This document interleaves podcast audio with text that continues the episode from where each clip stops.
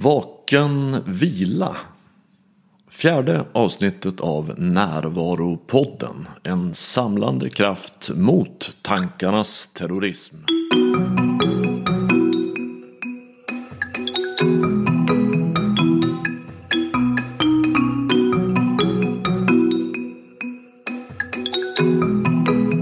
Jag vill först bara berätta att jag nu har lagt ut föreläsningarna för våren 2018 på min hemsida renander.nu.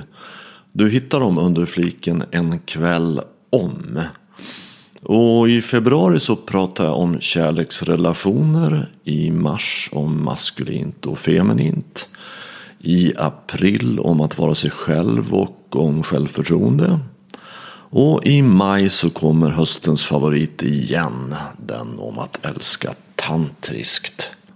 Föreläsningarna har alltid varit fullbokade hittills och du som poddlyssnare kan anmäla dig redan nu innan jag går ut mer offentligt med dem i januari. Idag pratar jag med Jan Nevelius och vi berör ämnen som att förstå sig själv och andra, sjukskrivning på grund av stress, värdet av närvaro inom friskvård och hur man kan träna upp sin närvaro innan det är för sent. Jag känner Jan sedan 15 år som en väldigt uppskattad lärarkollega på Axelssons gymnastiska institut. Han är en av Sveriges, kanske Europas, främsta utövare av aikido och arbetar över hela Europa med friskvård och stresshantering. Han har också skrivit en väldigt fin bok som heter Vaken vila. Och här får du Jan Nevelius. Hur skulle du introducera dig, presentera dig för en person som inte har en aning om vad, vem du är eller vad du gör? Alltså mycket i mitt liv kretsar ju runt aikido. Så det är ju där det börjar. Liksom. Jag började när jag var 11 år. Jag bara berätta vad aikido är för någonting. Jag tror inte alla vet det.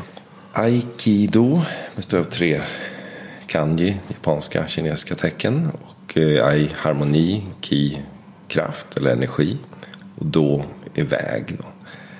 Så kort förenklat den harmoniska kraftens väg. Mm. Och det är en form av självförsvar vi tränar. Men eh, jag ser det väl kanske mer som en konst. Eh, där man tränar rörelser men man tränar egentligen förhållningssätt. Man tränar andning, man tränar närvaro, medvetenhet, koncentration, relation, lösa konflikter. Mm. I, I den här formen. Liksom. Ja, vi är ju kollegor på Axelssons mm. skola sedan många år. Jag kommer aldrig att glömma när du berättade, om mig, berättade för mig om aikido första gången. Om just det lösa konflikter. Kan du säga lite grann om vad som är speciellt med aikido i det avseendet? Alltså själva aikidon kan man ju säga utförs ju av den som tar emot attacken. Sen måste ju när vi tränar måste ju den ena personen turas om att attackera. Men det intressanta i Aikidon ligger ju att upplösa konflikten. Att hantera den här attacken, den här konfrontationen. Utan att skada eller kränka den som attackerar. Utan att skada eller kränka sig själv. Men försöka omvandla den här kraften. För det är ju en kraft i varje konflikt. Liksom. Omvandla den kraften till någonting kreativt. Det är för mig aikido. Och hur gör man det? Ja, det undrar jag också. Det är därför jag håller på.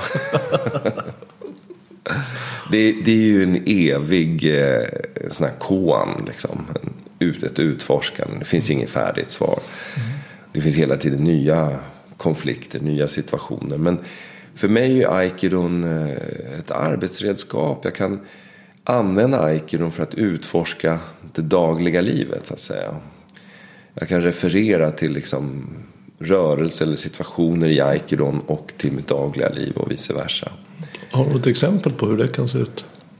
Nej, men det kan ju vara en konflikt man har i sitt vardagliga liv och, och så funderar jag på hur skulle den här se ut aikidomässigt och vad skulle lösningen vara? Och genom att jag då jobbar med den i aikidon så kanske jag kan komma tillbaka till den här konflikten i mitt dagliga liv och hitta bättre lösning, en mer kreativ lösning. När jag jobbar med par så brukar jag faktiskt använda den övning som du visade mig. Alltså att när man kommer någon och anfaller med ett slag och att istället för att stå emot, slå emot så, så tar man emot slaget och vänder sig runt och ser hur det ser ut för den andra. Mm. Det är det första man gör.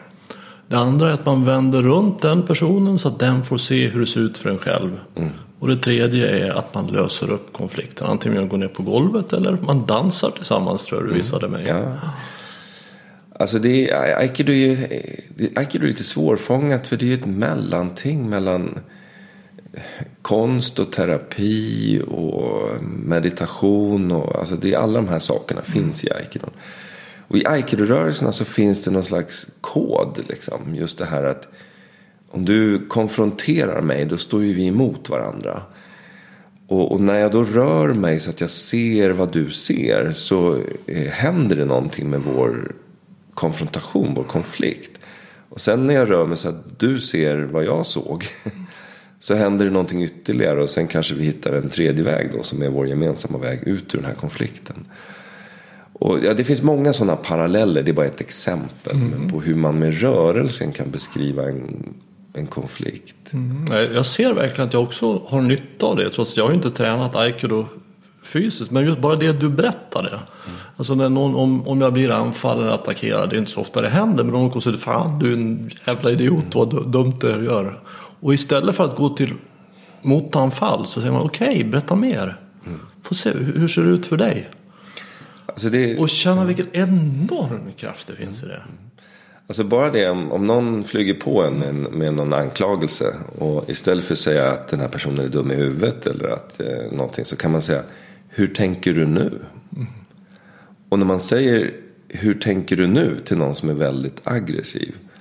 Och den tvingas reflektera och börja förklara hur den egentligen menar. Istället för bara att stå och skrika. Så händer, redan då händer det någonting. Och det här, hur tänker du nu? Det är ju egentligen en, en metafor för att jag ställer mig bredvid dig. Mm. Och försöker se vad du ser. Det betyder ju inte att jag håller med dig. Och det är väldigt eh, viktigt liksom. Att stå bredvid någon betyder inte att vi har samma åsikt. det betyder bara att vi, vi tittar på samma sak från samma håll. Liksom. Det finns ju så. många människor säger ju så här när de är emot det. Jag kan inte förstå hur du kan göra så där. Eller hur de kan säga så eller tycka så där. Mm. Som om det vore deras problem. Mm. Utan det enda jag har berättat någonting om då är min egen intellektuella rörlighet. Mm. Att jag är fastlåst i min position. Mm. Istället för att då kunna resa mig upp och gå runt och se, för, och se hur det ser ut för andra. Jag tycker det är oerhört viktigt och idag när vi, alltså det är ju ganska, bränner ju till en del i sociala medier och på många olika sätt idag. Att vi inte bara slår åsikter i huvudet på varandra. Utan att vi också frågar, hur tänker du nu? Och när jag frågar dig, hur tänker du nu? Så, som jag säger, det betyder ju inte att jag håller med dig. Men jag undrar hur du har kommit fram till din slutsats. Och om jag inte gör det, då är jag ju rädd för att, att fundera på hur du har kommit fram till vad du har kommit fram till. Mm. Eh, det, det, är någonting där med att vi, vi, tror att så fort man inte har en bestämd åsikt så är man eh, eh, platt. Liksom. Man, man, man har ingen åsikt alls eller man håller med den andra personen. Vilket mm. inte är sant.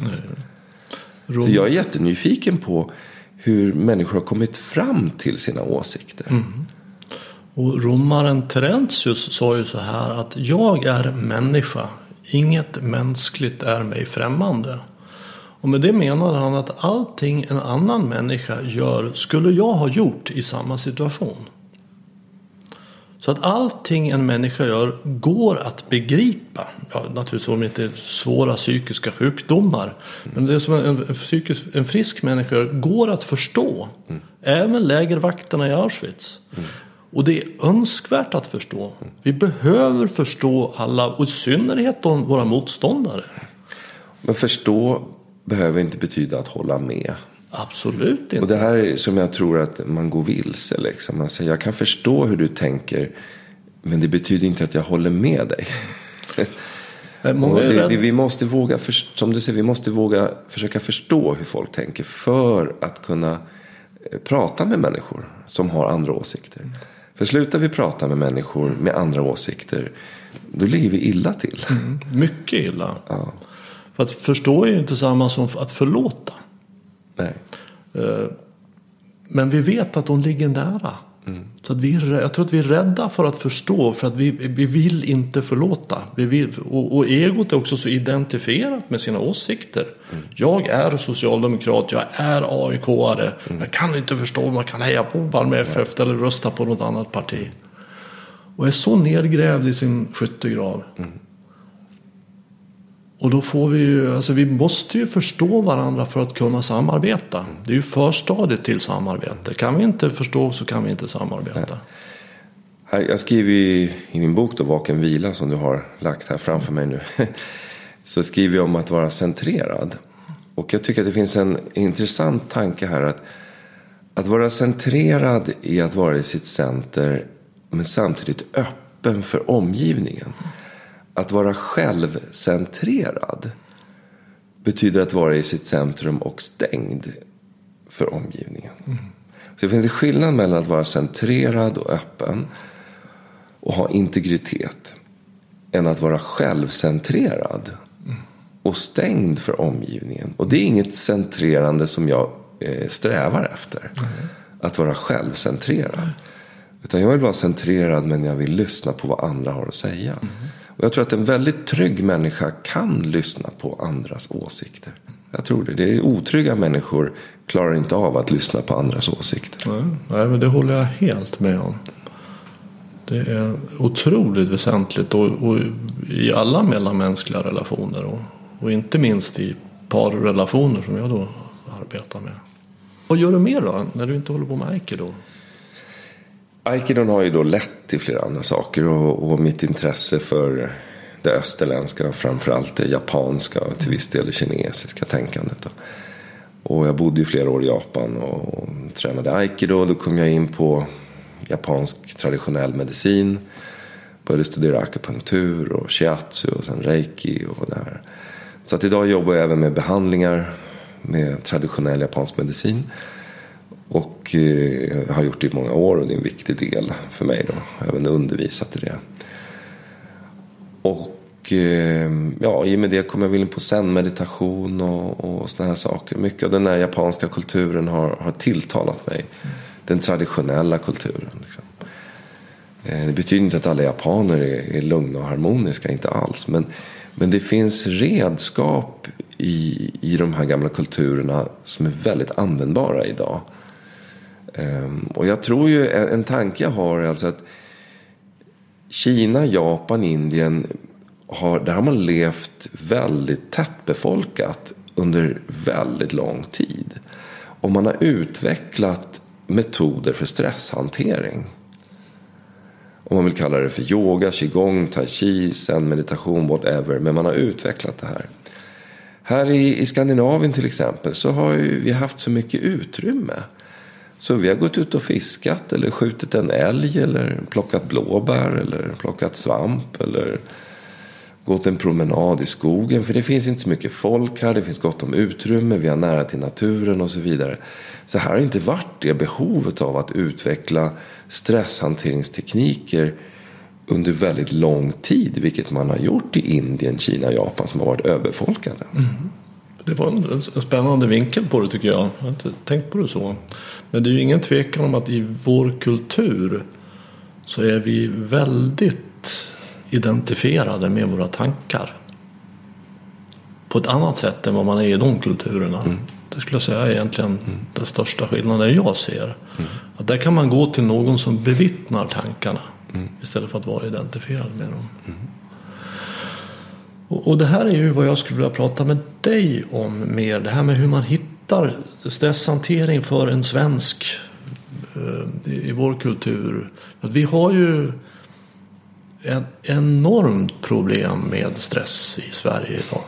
Alltså 40 procent av de som är sjukskrivna är av psykiska orsaker. Och jag läste att kostnaderna är beräknade till någonstans i storleksordningen 130 miljarder per år.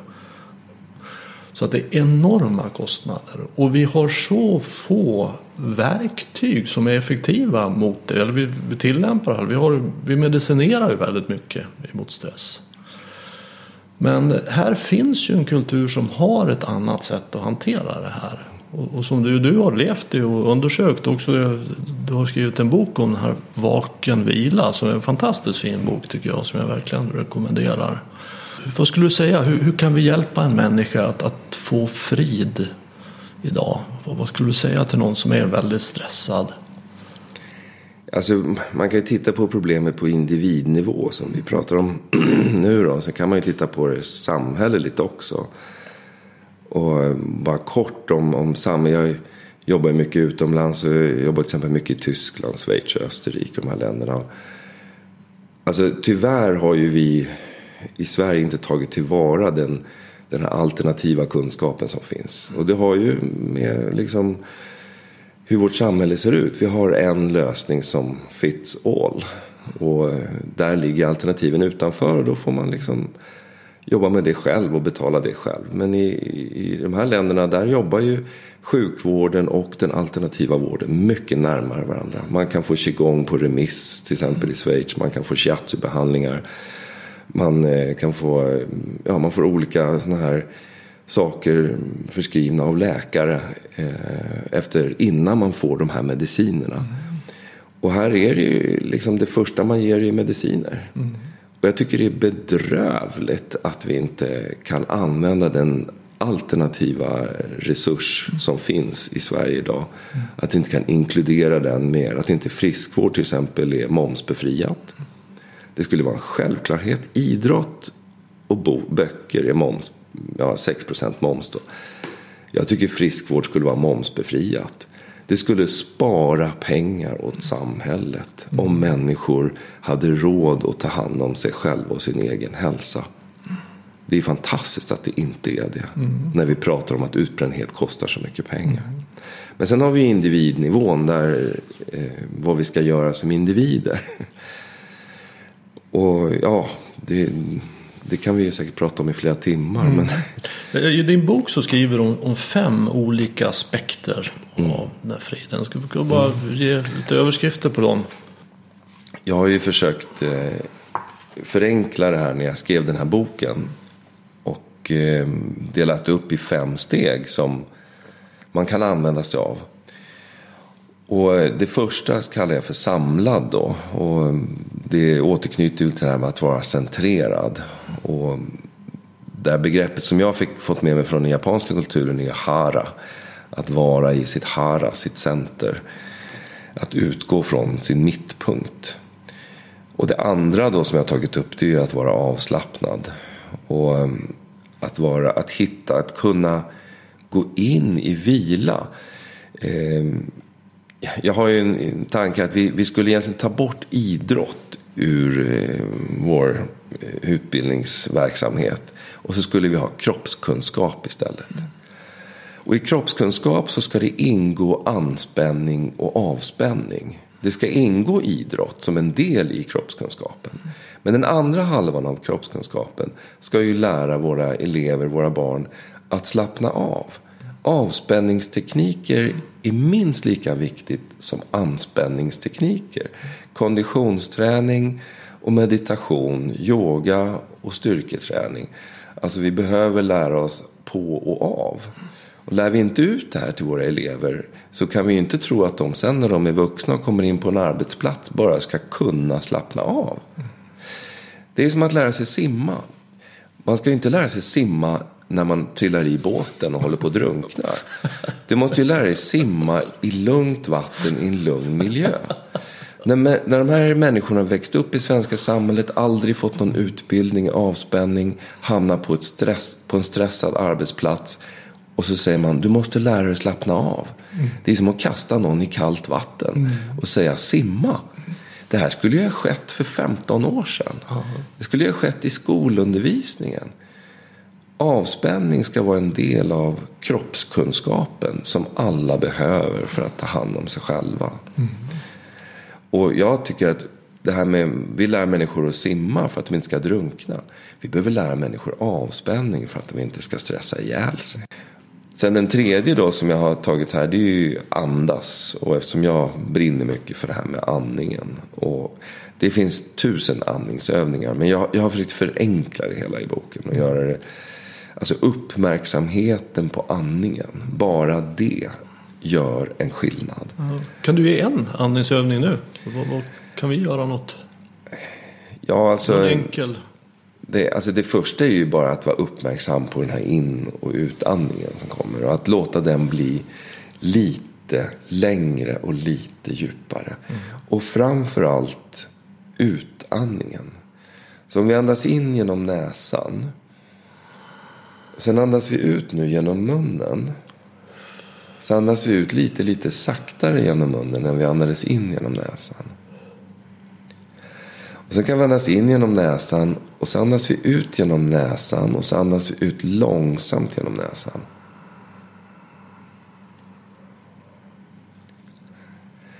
När man tänker på utandningen så kan man tänka på som någonting som man ställer ner väldigt försiktigt. Om man håller i någonting skört och så ska man ställa ner det på bordet framför sig.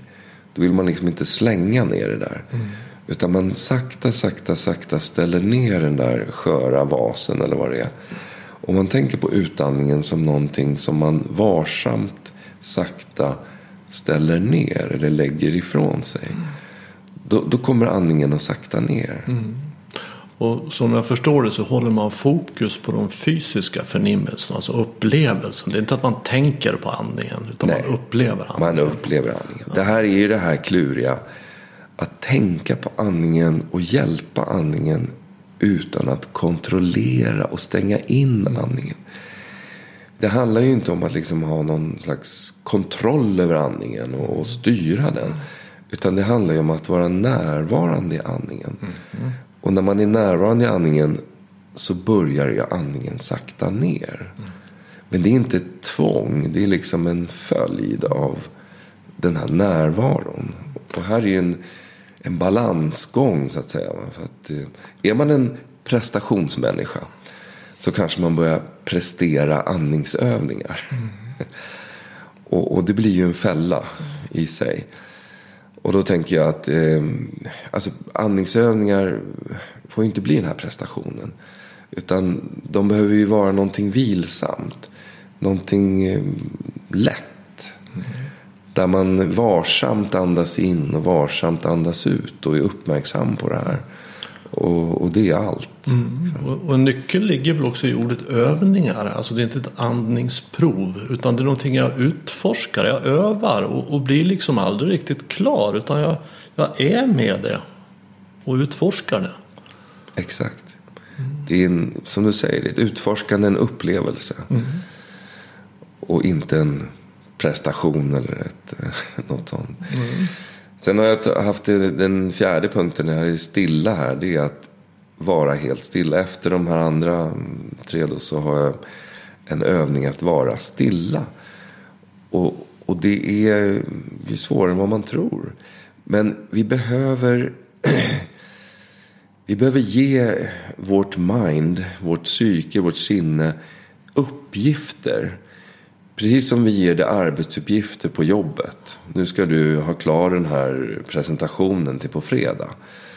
Så behöver vi ge vårt psyke uppgifter som gör att vi kommer in i stillhet till exempel. Okej, okay, vad kan det vara för uppgifter? Det kan ju vara att ja, dels sitta helt stilla. Alltså, eh, det, det är en ganska speciell upplevelse att sitta helt stilla. Jag kommer ihåg att när jag började med zen-meditation så sa min zen-lärare så här, nu ska vi sitta helt stilla. Och så började någon klia sig lite på benet och så säger han, sitt stilla. Och så var det någon som andades lite, lite ljudligt. Så, satt och andades, så sa han, stilla betyder tyst, sa han. Inga ljud, inga rörelser. Och någon kliar sig lite på huvudet och någon vrider lite på sig. Sitt still, var tyst. Och när man börjar tänka på det där, att sitta helt stilla och vara helt tyst. Att andningen blir ljudlös. Att vi inte gör några rörelser med kroppen.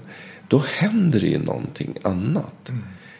Och jag gör det här ibland det här med grupper. Och så ser jag hur folk vrider på sig och kliar sig och andas och flåsar. Och, så, här. och så tänker jag, Alltså vi är omedvetna om att vi inte kan vara stilla och tysta. Under en, en stund. Liksom. Och att öva på det gör ju att sinnet blir stilla. Och, och, det är inget fängelse, det är, det är en befrielse. Ja, för att, att det är så otroligt sällsynt att man ser en människa som bara sitter och är helt stilla. Alltså det är en sån rastlöshet. Alltså de här mobiltelefonerna är ju verkligen man håller på med. Man pratar, man läser, man tittar på saker. Man ska ha på engelska säger man food for thoughts. Vilket gör att de här tankarna också växer. Man ger dem hela tiden näring. Och det här är ju att vara stilla, som jag förstår det, att sluta ge dem näring. Mm. Jag har en rolig ehm, berättelse här. Chris McAllister som är en god vän till mig som är shiatsu och tai chi-lärare. Så berättar han att han brukar träna tai chi i parken ibland. Så kommer då folk och ställer sig och tittar på honom när han står och tränar tai chi. Och då brukar han eh, testa att bara stanna mitt i rörelsen och stå helt stilla. Och se hur mycket stillhet de tål. och efter en 30 sekunder, en minut så tittar de på varandra och säger så här. Ja, nej, här händer ju inte mycket. Nu eh, ska vi gå vidare. Alltså det är inte normalt att stå helt stilla. Däremot är det normalt att ta en fotboll och springa runt och jaga den och flåsa och försöka sparka eh, på ett mål. Det är normalt. Men att stå helt stilla, det är lite konstigt i vårt samhälle. Mm. Så stillhet är liksom någonting som vi inte är riktigt vana vid. Som behöver, vi behöver utforska. Mm. Att vara stilla. Så använder jag bilder. Jag tänker på en, en vattenyta som när det blåser så är vattenytan upprörd och rör sig och virvlar. Och sen lägger sig vinden och så till slut så blir vattenytan spegelblank. Och det är en sån här bild jag kan använda när jag själv ser mig själv mitt i livet och vattenytan är väldigt aktiv och rörlig. Så är mitt sinne alldeles rörligt och splittrat. Upprörd. Upprört, ja.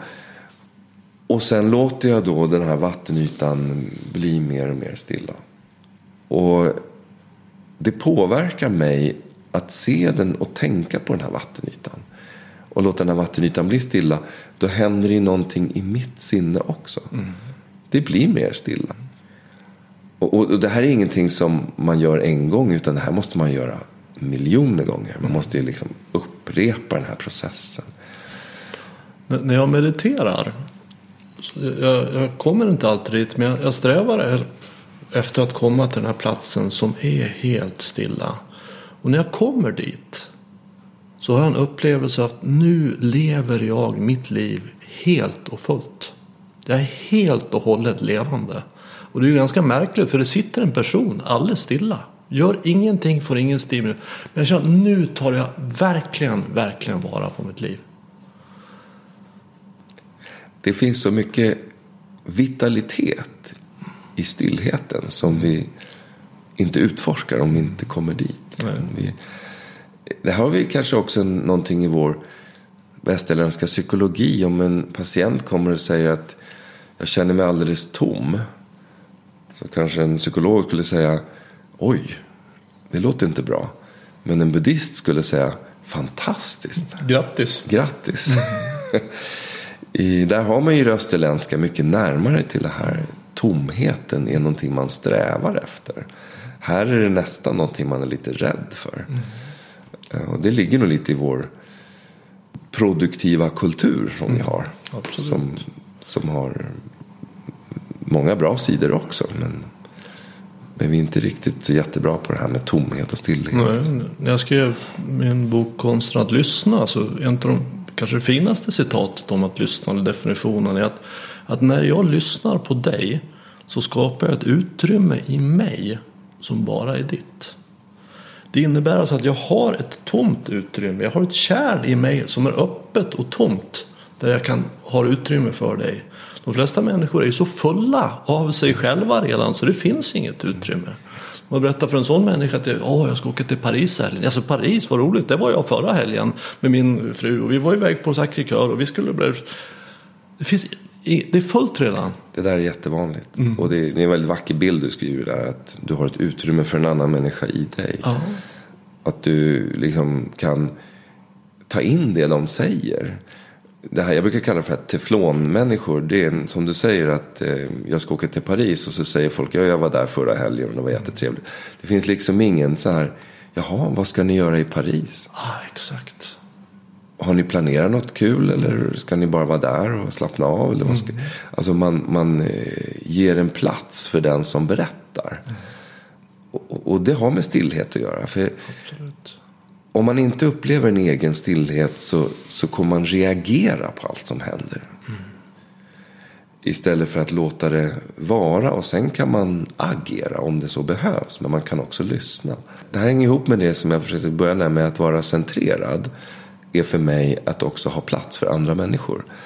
Men att vara självcentrerad är inte att ha plats för andra människor.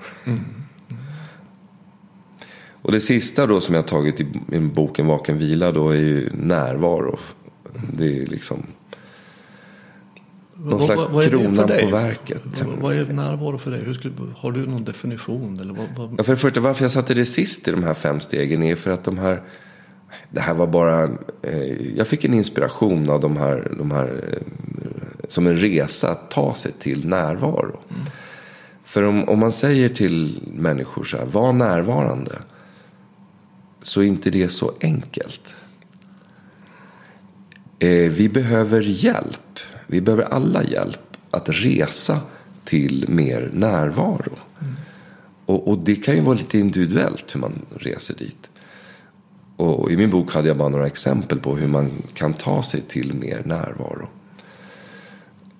Och, och, och närvaro för mig, alltså dels så kan man ju, om man ska förenkla det, säga att dels så kan man, finns det bara en närvaro som vi inte kan liksom fånga överhuvudtaget, som inte ens går att fånga med ord. Men ska man försöka och dela upp det så kan man säga att jag upplever att vi har en inre närvaro och sen har vi en yttre närvaro. Eh, En medvetenhet om oss själva och hur vi mår och, och vår kropp och våra känslor och våra tankar. Och sen har vi en, en uppmärksamhet och en, en närvaro och medvetenhet om vad som pågår runt omkring oss. Och, och de här två är ju lika viktiga. Kanske att den inre är allra viktigast men, men den yttre är väldigt viktig. För det som händer i livet är ändå en del av oss också. Vi kan inte skilja oss själva från vårt liv. Så jag tror att den yttre närvaron också är väldigt viktig. Att, att liksom inte stänga in sig i inre närvaro. Utan vara medveten om sitt liv. Jag tänker på närvaro som, som förmågan att ha min uppmärksamhet i det innevarande ögonblicket. Eh, Jag tänker att, att vi kan leva egentligen i två världar. Det finns två parallella världar som pågår här. Och det, den ena är tankevärlden och den andra är upplevelsevärlden. Och tankevärlden är ju väldigt mycket berättelser om framtiden, om både förflutna och om det som inte är, om det som borde vara. Och upplevelsevärlden är det som pågår här nu. För jag kan inte uppleva någonting någon annan gång än nu. Alltså min syn, hörsel, doft. Jag kan inte se någonting ens som händer om fem sekunder. Utan bara det som är nu. Och att, att ha en förmåga att ha uppmärksamheten här. Det är för mig närvaro. Du skriver så fint om närvaro i din bok. Jag skulle bara vilja be dig läsa det. För jag vill gärna ha med det. Närvaro kan varken vägas eller mätas. Och ändå är den en kraft som vi alla känner. När den är borta är vi också borta. Ja, närvaro är väldigt intressant därför att det formar våra liv. Det finns hela tiden. En skådespelare som är frånvarande kan inte eh, nå publiken. En person som inte är närvarande i en relation förlorar relationen. Alltså närvaro, vi kan inte mäta och väga det. Det finns ingen, vad jag vet, vetenskaplig definition av närvaro. Och ändå påverkar det våra liv oerhört mycket. Eh, närvaro är ju en kraft som en, en människa har som kan attrahera andra människor. som kan påverka sin omgivning och påverka sig själv. När vi är frånvarande så, så fungerar våra liv dåligt. Eh, och när vi är närvarande så fattar vi bättre beslut. Mm. Vi eh, drar till oss mer kreativa människor. Våra liv fungerar bättre när vi är närvarande. Mm. Och ändå är det så svårt att säga vad är närvaro exakt? Mm. Och det, det, är väldigt spännande att det finns något som är så påtagligt som påverkar oss så oerhört mycket. Mm. Både i det yttre samhället och i våra inre liv. Men som vi ändå inte vet riktigt vad det är. Mm. Jag brukar tänka att, att närvaro är tillämpad kärlek. Alltså när vi, kom, vi kommer hem från jobbet och så till vår partner och så bara tar vi ett ögonblick och ser varandra i ögonen. Så kommer vi omedelbart i kontakt med kärleken. Vi går till våra barn och så vi behöver inte säga någonting. Vi behöver inte ha med några leksaker. Inte bara säga hej. Så ser vi varandra i ögonen. Då vet barnet att jag älskar det. Så den vackraste gåva vi har att ge någon överhuvudtaget är vår närvaro. Och ändå så är vi, vi har liksom inte, de flesta människor har inte kontakt med den överhuvudtaget. Så de kan inte ge den och det beror inte på att de inte vill. Utan de har inte tränat upp den, de vet inte hur de ska göra. Här säger du någonting som jag tycker är väldigt viktigt. Att vi faktiskt kan öva närvaro. Mm. För det du säger nu, det tror jag många människor inte tänker på. Att man kan öva upp sin förmåga till närvaro. Hur gör du för att öva? Ja, alltså, aikidon har ju varit en central eh, i mitt liv för den övningen. Alltså när man blir attackerad eh, med slag och, och grepp och sparkar vad det är och man inte är närvarande, då fungerar det inte helt enkelt. Så kampkonst har ju alltid varit för mig ett sätt att, att bli väldigt närvarande. Eh, sen har det ju i förlängningen det blivit andningsövningar och, och rörelseövningar och koncentrationsövningar och så. Jag tycker också mycket om att vistas i naturen. Naturen gör mig närvarande på ett speciellt sätt. Eh, men jag vet att jag måste både öva närvaro och påminna mig om närvaro. Mm. Det är som eh, det är en färskvara. Mm. Du, du, kan inte eh, skapa massa närvaro och sen lagra det i kylskåpet. och ta ut det sex månader senare. För det är en färskvara. Alltså, du genererar upp det och sen håller det en viss tid. Sen, sen måste man liksom återknyta till närvaro. Det är som egentligen all annan träning. Alltså, man tränar på att spela piano. Man behöver upprätthålla det. Man tränar på att springa. Vi har bra kondis. Det räcker inte att springa ett maratonlopp och sen är det gjort. Och, och sen är det också smittsamt. Mm. Alltså, som du säger att du är ute i naturen. Allt i naturen är helt och hållet närvarande. Ja. Så det smittar med mm. sin närvaro. Mm. Och sen kommer jag in på en plats som är någon klubb eller hög musik och alkohol. Som är väldigt mycket drama, tanken. Så smittar det. En människa som är i sitt drama, väldigt mycket egodrama brukar jag kalla det. Mycket rädsla och begär fram till förflutet. Smittar förr eller senare mig. Mm. Om jag inte hinner smitta med min närvaro innan. Så mm. frågan är vem smittar vem först? jag tänker att det är viktigt att förstå att det finns, eh, om man ska förenkla det, två helt olika sätt att vila. Det ena är ju att bli mer frånvarande. Alltså att man använder någon form av drog eller någonting sånt så att man slappnar av. Mm. Man slutar tänka på allt som är jobbigt. Men man gör det genom att bli mer frånvarande. Mm. Och jag gör det själv ibland. Jag kan titta på någon tv-såpa eller någonting som bara för att sluta tänka på min vardag. Mm. Men det som händer med mig då är ju att jag känner att jag blir lite lullig. Liksom. Jag blir frånvarande. så. Det andra sättet att slappna av är att gå in i närvaro. Vila i närvaro. Och, och det, det, är ju diametralt motsatt. Mm. Och, och det är lite krävande. Det är inte alltid jag själv orkar göra det. Och då, då, kan jag liksom ta min whisky och titta på någon dålig film.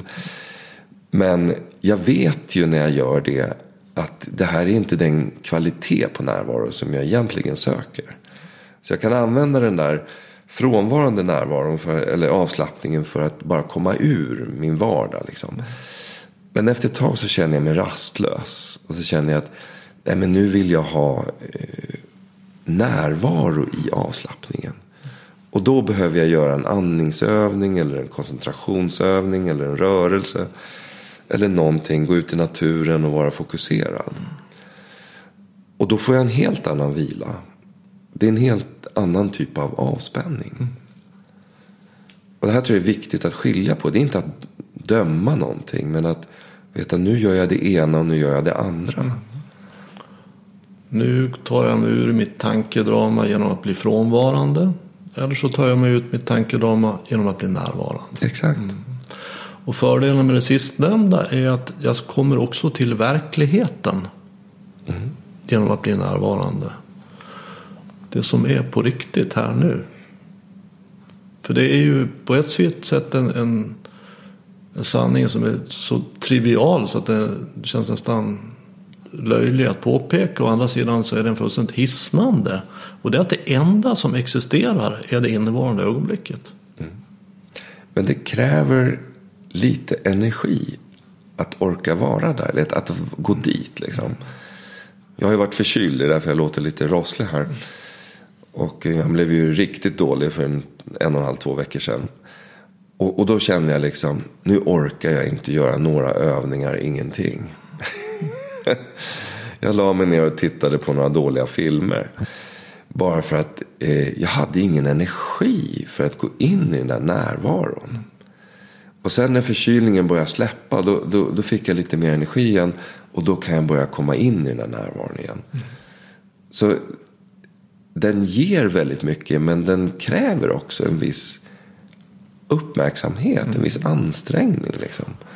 Den kräver en form av självdisciplin, att också att jag kommer ihåg det. Mm.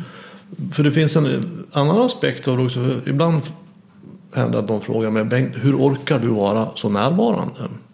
Och, och min upplevelse är att, att det inte är förenat med någon ansträngning överhuvudtaget. Utan jag slappnar av in i det.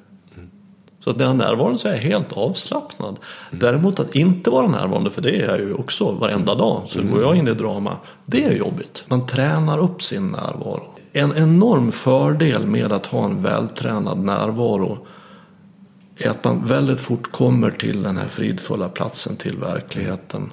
Alltså om man tänker sig att, att man har en person som är dåligt fysiskt tränad. Mm. Som ska gå och fika hos en kompis som bor tio trappor upp och så kommer han dit och sen så är hissen trasig. Mm. Så han får gå upp för alla de här tio trapporna. Och han är ju andfådd och svettig. Han är ju tvungen att gå in och sätta sig i en kvart innan han orkar dricka någon kaffe där. För att kroppen behöver återta lång tid. Och sen har vi en fysiskt vältränad person som ska på samma fika. Hissen trasig också, gå upp för trapporna. Han blir också andfådd. Och kommer innanför dörren. Efter en minut så är han tillbaks. Och det tycker jag för mig är en, en av de absolut största frukterna av närvaro. För att visst blir jag arg och ledsen och sur och rädd och irre. Allt det här. Men inte så länge, inte så ofta och inte så djupt som det var en gång i tiden.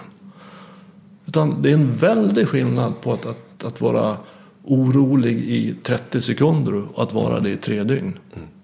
Det är, det är det här med att som vi pratade om att man faktiskt kan träna de här sakerna. Öva upp dem. Precis som en gitarrist tränar att spela gitarr. Mm. Och en person som inte har spelat gitarr och tar upp en gitarr kan inte spela. Mm. Alltså om man inte övar närvaro är det väldigt svårt att vara närvarande. Mm.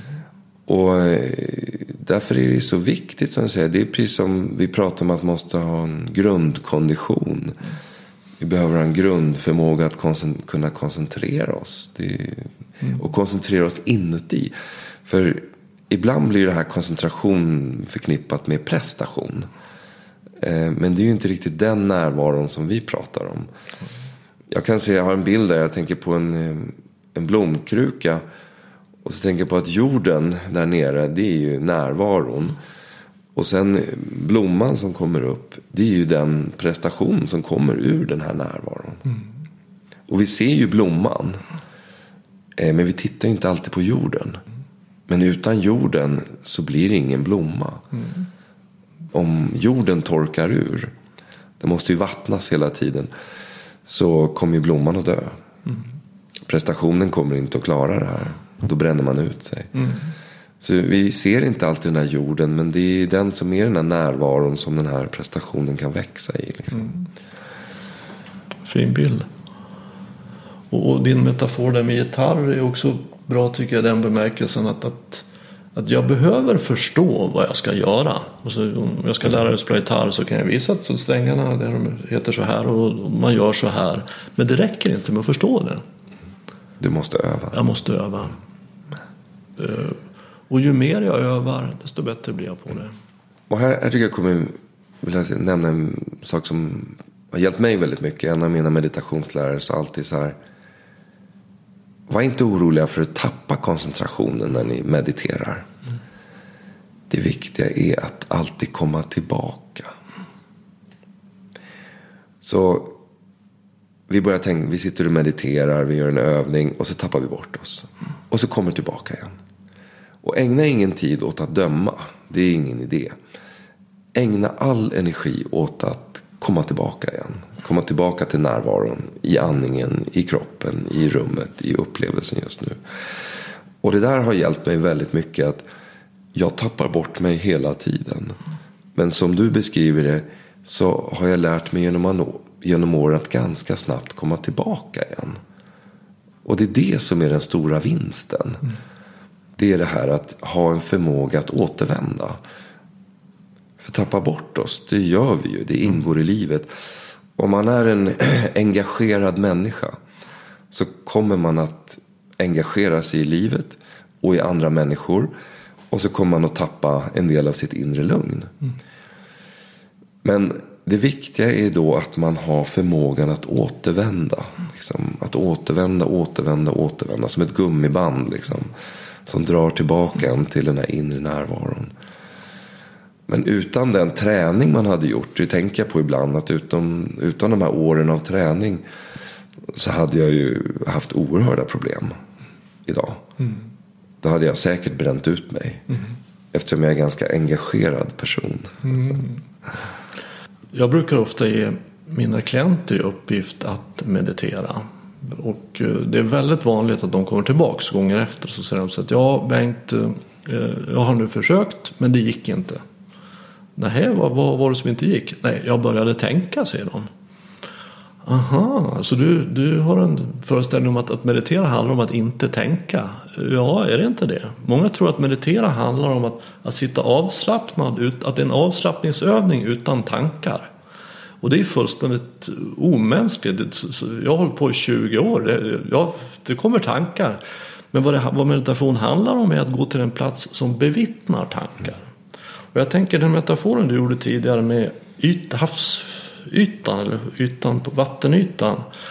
Jag skulle höra vad du tänker om det. För att min erfarenhet numera är att även om det är ganska stormigt på ytan så kan jag gå ner i djupet. Och där är det stilla. Mm. Trots att det stormar på ytan. Mm. Så att jag kan ha två platser i mig. Mm. En som bevittnar stormen och en som är stormen. Mm. Hur tänker du kring det? Jag håller med dig. Det, det finns ju ett oändligt antal liksom, eh, såna metaforer som blir som en lök som man skalar av. Liksom. Och när jag använder den här bilden av att låta vattenytan bli stilla så är det en, en resa som jag gör. Att gå från oro till stillhet och lugn. Men jag håller helt med dig om att den här upplevelsen av att bara iaktta stormen. Att betrakta oron i sig själv eller oron runt sig själv. Eh, till slut så, så spelar det ingen roll vad som pågår för att man betraktar det som sker och det får vara som det är. Liksom. Så de två bilderna säger inte emot varandra för sig. Det är bara liksom lite olika sätt att, att jobba med sitt inre, att förhålla sig till sitt inre. Men att kunna vara i vardagen och i det här som pågår och ändå vara i stillhet inuti. Det är ju fantastiskt. Oh. Och, och, och, det är det som är den stora vinsten tycker jag. Att oavsett vad som händer här ute och egentligen oavsett vad som händer i min tankevärld. Så kan jag gå till en plats som är stilla. Alltså min upplevelse är att den där platsen som är stilla finns alltid i mig. Men det är inte alltid jag är där. Nej. Och när jag inte är där då märker jag att nu är det drama. Någon form av smärta. Den smärta levereras ju i många olika varianter. Men det är någon form av smärta. Oro, rädsla. Och bara jag kommer på det. Okej, okay, nu känner jag smärta. Och så går jag till vittnet istället. Vad är det som händer här? Det är inte att förneka. Det är väldigt viktigt att komma ihåg det. Tvärtom, det ger mig möjlighet att uppleva det ännu mer fullt. Nu är jag arg. Okej. Okay. Hur känns det att vara arg? Vad handlar det här om? Och när jag går till vittnet så kan jag se det lite utifrån och i det ögonblicket så är jag här. Och då har jag kommit till en plats att vila på. Och kan jag vara där en stund så får jag liksom i alla fall lite andhämtning. Mm. Det viktiga jag tänker där är att du säger att den här platsen finns där hela tiden. Och det är en viktigt förhållningssätt. Mm. Eh, det är vi som inte alltid hittar dit. Mm. Men platsen finns. Ja, du tänker också så? Ja, absolut. Självklart så finns den där hela tiden. Och för mig då så är den platsen en upplevelsen av nuet. Så när jag kommer till upplevelsen av nuet, då är jag där. Och när jag tappar den så går jag in i tankevärlden och tänker, jag har rädslor, begär ifrån till framtiden och det förflutna. Mm. Och då är jag på den platsen. Den finns också där. Så var är jag? Och är jag otränad så kommer jag att centrifugeras ut till dramat. Så, och jag brukar tänka att man har en närvaromuskel. Och den använder jag för att ta mig in till centrum. Mm. Jag vill bara dela med mig av en underbar eh, händelse. Jag hade någon, någon kurs någon gång, någon seminarium med att prata om stresshantering. Och så eh, frågade jag då vad, vad de här olika människorna gjorde för att liksom bli lugna och komma in i sig själva. Och då är det en man som säger så här. Jag går till mitt garage. Säger han. Jaha, vad, vad gör du i ditt garage? Ja, fixar med lite av varje. Jag skruvar lite på någonting, slipar på någonting, målar någonting, Oljar någonting. Men du vet när jag är i garaget. Då finns det inga krav.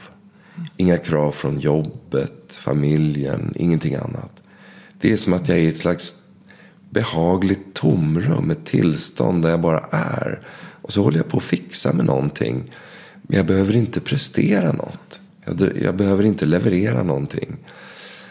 Och i garaget, där är det, det är min kyrka. Liksom. Det är min frid som jag finner där inne. Och då kommer jag in i den här platsen. Och då sa jag till honom. Du skulle kunna skriva yogastudio på det där garaget. För troligtvis gör du mera närvarande yoga i ditt garage än de här människorna på andra sidan gatan som presterar yoga. Om de nu gör det.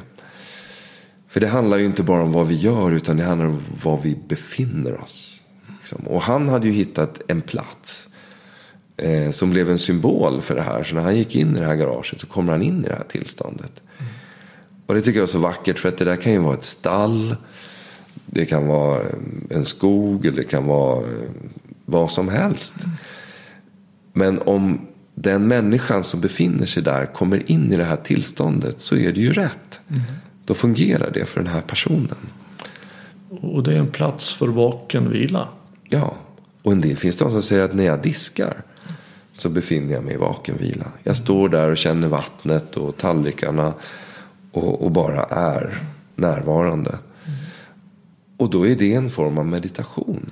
Det jag tycker man ska göra då är att ge det den kvaliteten. Att säga att nu står jag inte bara och diskar. Utan nu använder jag diskningen för att komma in i ett tillstånd. Och att det är någonting mer än att bara diska. Mm. Utan det är någonting som jag är i. Mm. Jag tränar dessutom min närvaromuskel. Jag tränar min närvaromuskel när jag nu är här. Liksom, mm. Så att man ger det det värdet. Mm. Så olika handlingar, olika platser kan hjälpa oss att eh, stärka vår inre närvaro. Och det här är ju så vitt jag förstår helt överförbart också på stress och prestation i arbetsliv. Absolut.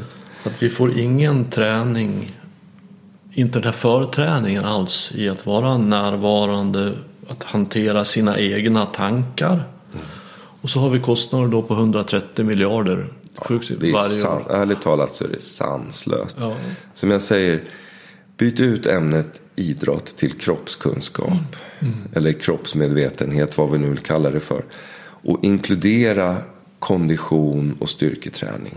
Men inkludera också avspänningsmetoder, närvaroträning, mm. massage, yoga, qigong, eh, olika former av andningsövningar.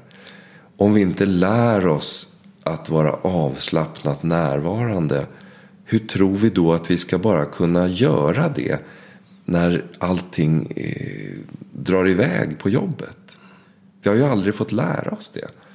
Det är som jag säger igen, det är som att slänga i en människa i kallt vatten och skrika simma. Ingen kan lära sig simma i nödsituation.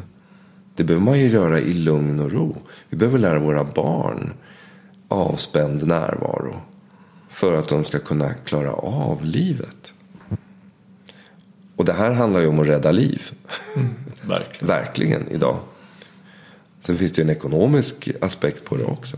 Det kostar oerhört mycket pengar att inte lära människor avslappnad närvaro.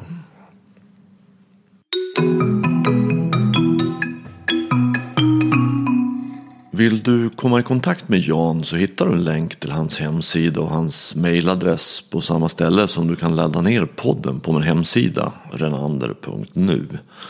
Och där finns också en länk till en plats att köpa hans bok. Har du tips på någon som arbetar med att stödja andras närvaro och som du tycker borde vara med här? Tveka inte att kontakta mig. Enklast gör du det via kontaktformuläret på min hemsida på återhörande. Och du, var uppmärksam.